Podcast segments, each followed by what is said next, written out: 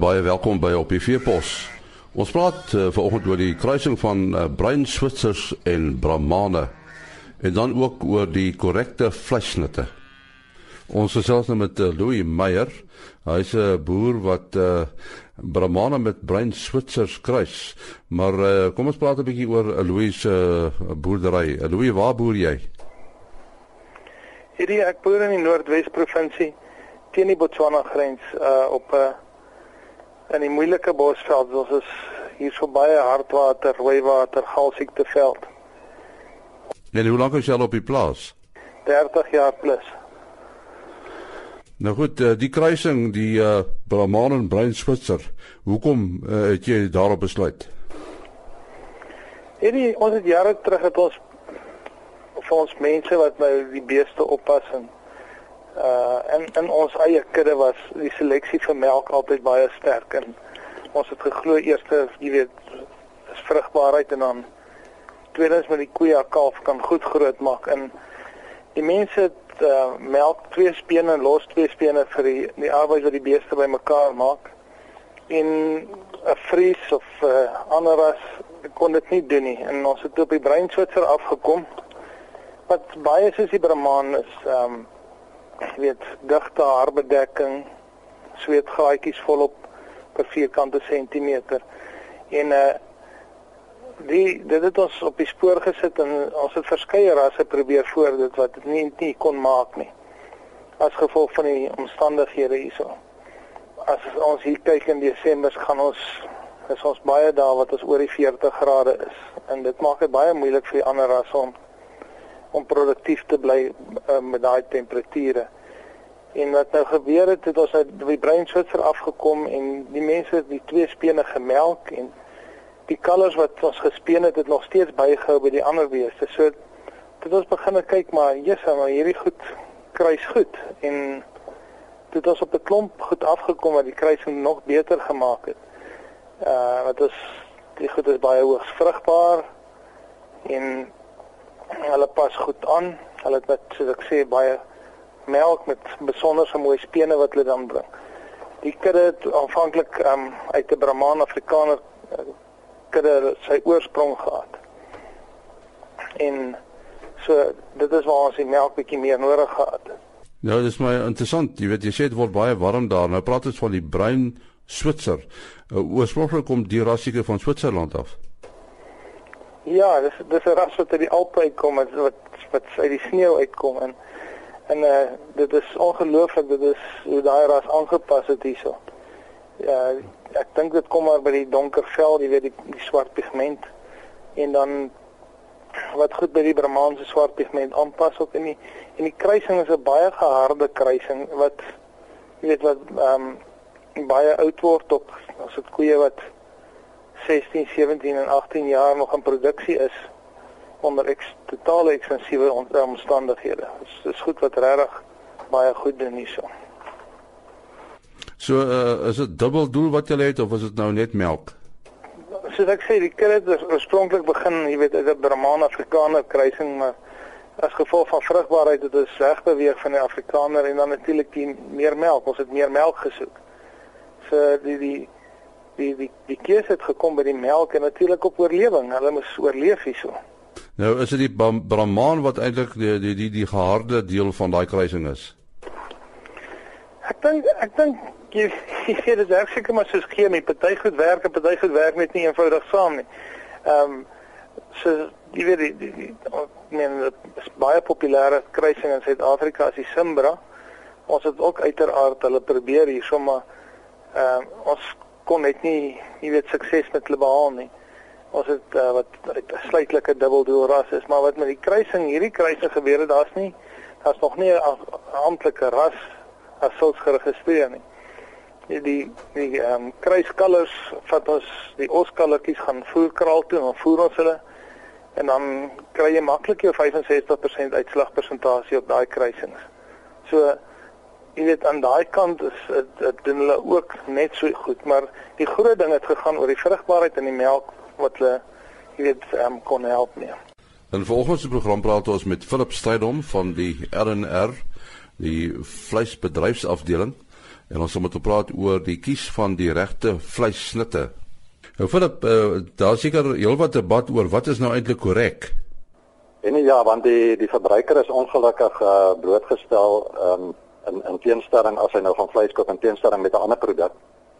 Uh is hy blootgestel aan bloot net dit wat hy daar op die rak sien. Hy het uh, nie regtig 'n beskrywing van 'n presiese proses uh, wat plaasgevind het soos met ontbytgrane of uh jou gunsteling drank of of uh, iets van daai lyn hier. Vleis word tot 'n groot mate nog maar beskou as 'n kommoditeit. So hy moet hom verlaat op dit wat hy op die rak sien op vorige ervaring en daar kan hy dit lees aan die prys, maar ek sal 'n bietjie kommentaar daaroor wil lewer as as as ek gegee die tyd gegee word, ja. Nou nou praat ons van snitte, daar's nou filet en daar's uh, biefstuk ensovoorts ensovoorts. Uh is dit maklik om die snitte uit te ken?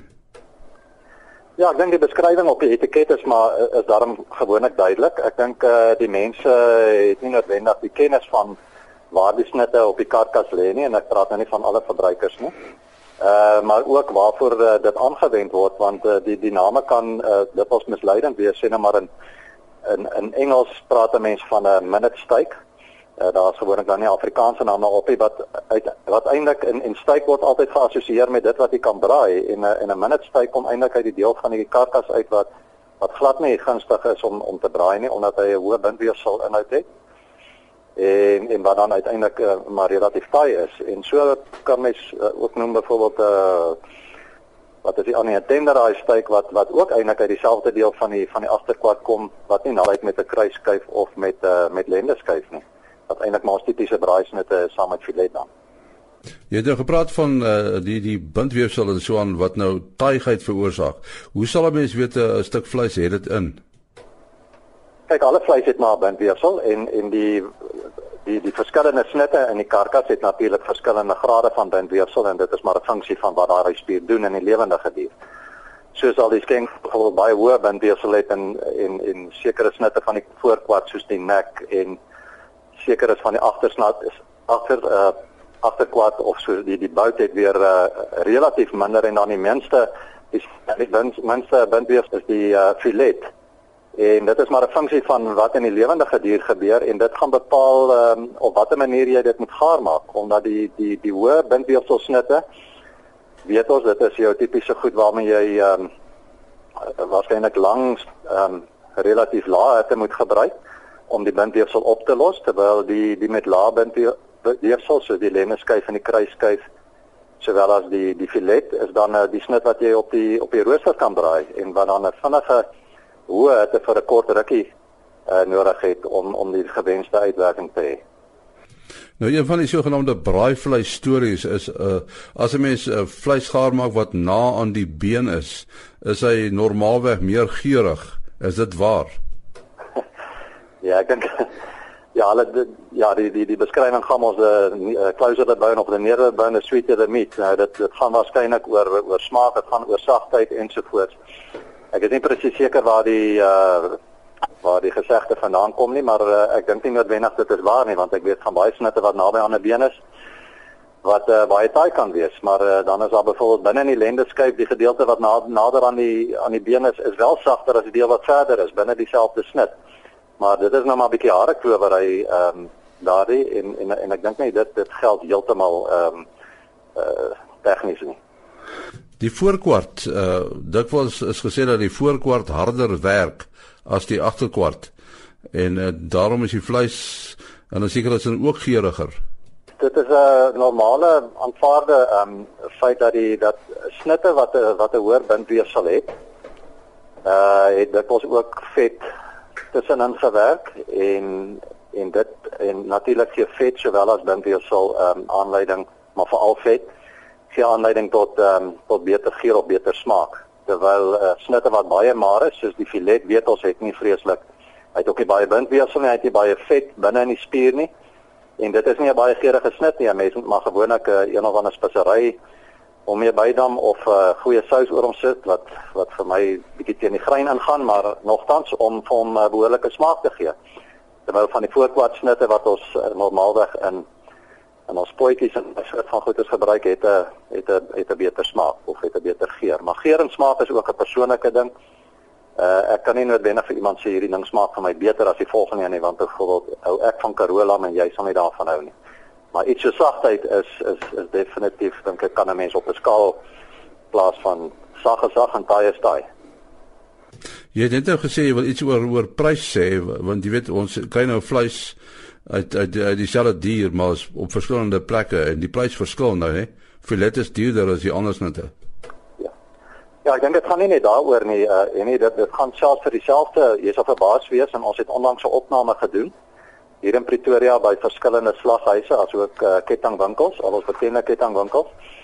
En na na is net en dit is die lenderskei wat dan partykeer in Engels ook die potterels of die sirloin of die steak dit kom uit dieselfde spier uit maar nog meer is net verskillende variasies daarvan. En hoe geweldig die prys ehm um, verskille tussen die verskillende winkels en dat 'n prys tot 'n groter mate ons het ons, laat ek nou net 'n bietjie agtergrond gee ons het dan hierdie snitte ook gaan toets vir sagtheid en ehm um, allerlei ander eienskappe soos kleur en drukverlies en ja dit was maar nog meer wat ons al gekyk het die hoeveelheid vet tot vleisverhouding en so aan en dat nie een van hierdie eienskappe regtig uh, baie goed gekoppel is met prys nie. En daarmee sê ek dat uh dit mag wees dat jy vir 'n relatiewe lae prys ook nog steeds 'n goeie gehalte snit by 'n sekere plek kan kry. En dit wels kry jy dat 'n prys baie hoog is en dat die gehalte in die eerste plek nie baie goed is nie. Ek praat nou spesifiek van vleissagtheid omdat dit maar die belangrikste eienskap is en dat dit ook nie konstant is nie. En daarmee sê ek dat uh, wanneer jy vandag gaan koop, is jy dalk gelukkig. En die volgende keer as jy besluit jy, om jou vriende te nooi om by dieselfde plek te koop, is jy kan jy net mooi die teenoorgestelde um, ondervinding kry. Wat ons wel daarin gevind het is dat aan die heel boonste spektrum van die prys uh, prysklas en natuurlik noem ek nou nie handelaars hierson nie, maar uh, daar is jy redelik verseker van 'n konstante uh, hoë kwaliteit. En die rede daarvoor is dat hulle maar goed gaan kyk het na al die prosesse wat vleis uh, sagtheid en vleis kleur en sappigheid en daai goeders natuurlik tot by die kok uh beïnvloed en dat dat dit daarom geverifieer is in hierdie hele proses en dit dan gaan prys ook daarmee gepaard. Maar in in sommige gevalle soos ek genoem het, is die prys daar gesit sonder om al hierdie prosesse lyk dit vir my uh vooraf baie baie goed te beheer. Nou ja, soos jy gehoor het, daar's veel meer te sê oor vleis as net daai stukkie wat op die braaivleisvuur lê. Baie dankie vir opstydom eh, van die vleisbedryfsafdeling van die LNR op Irene. Sover dan wat op die veepos betref tot môreoggend. Mooi loop.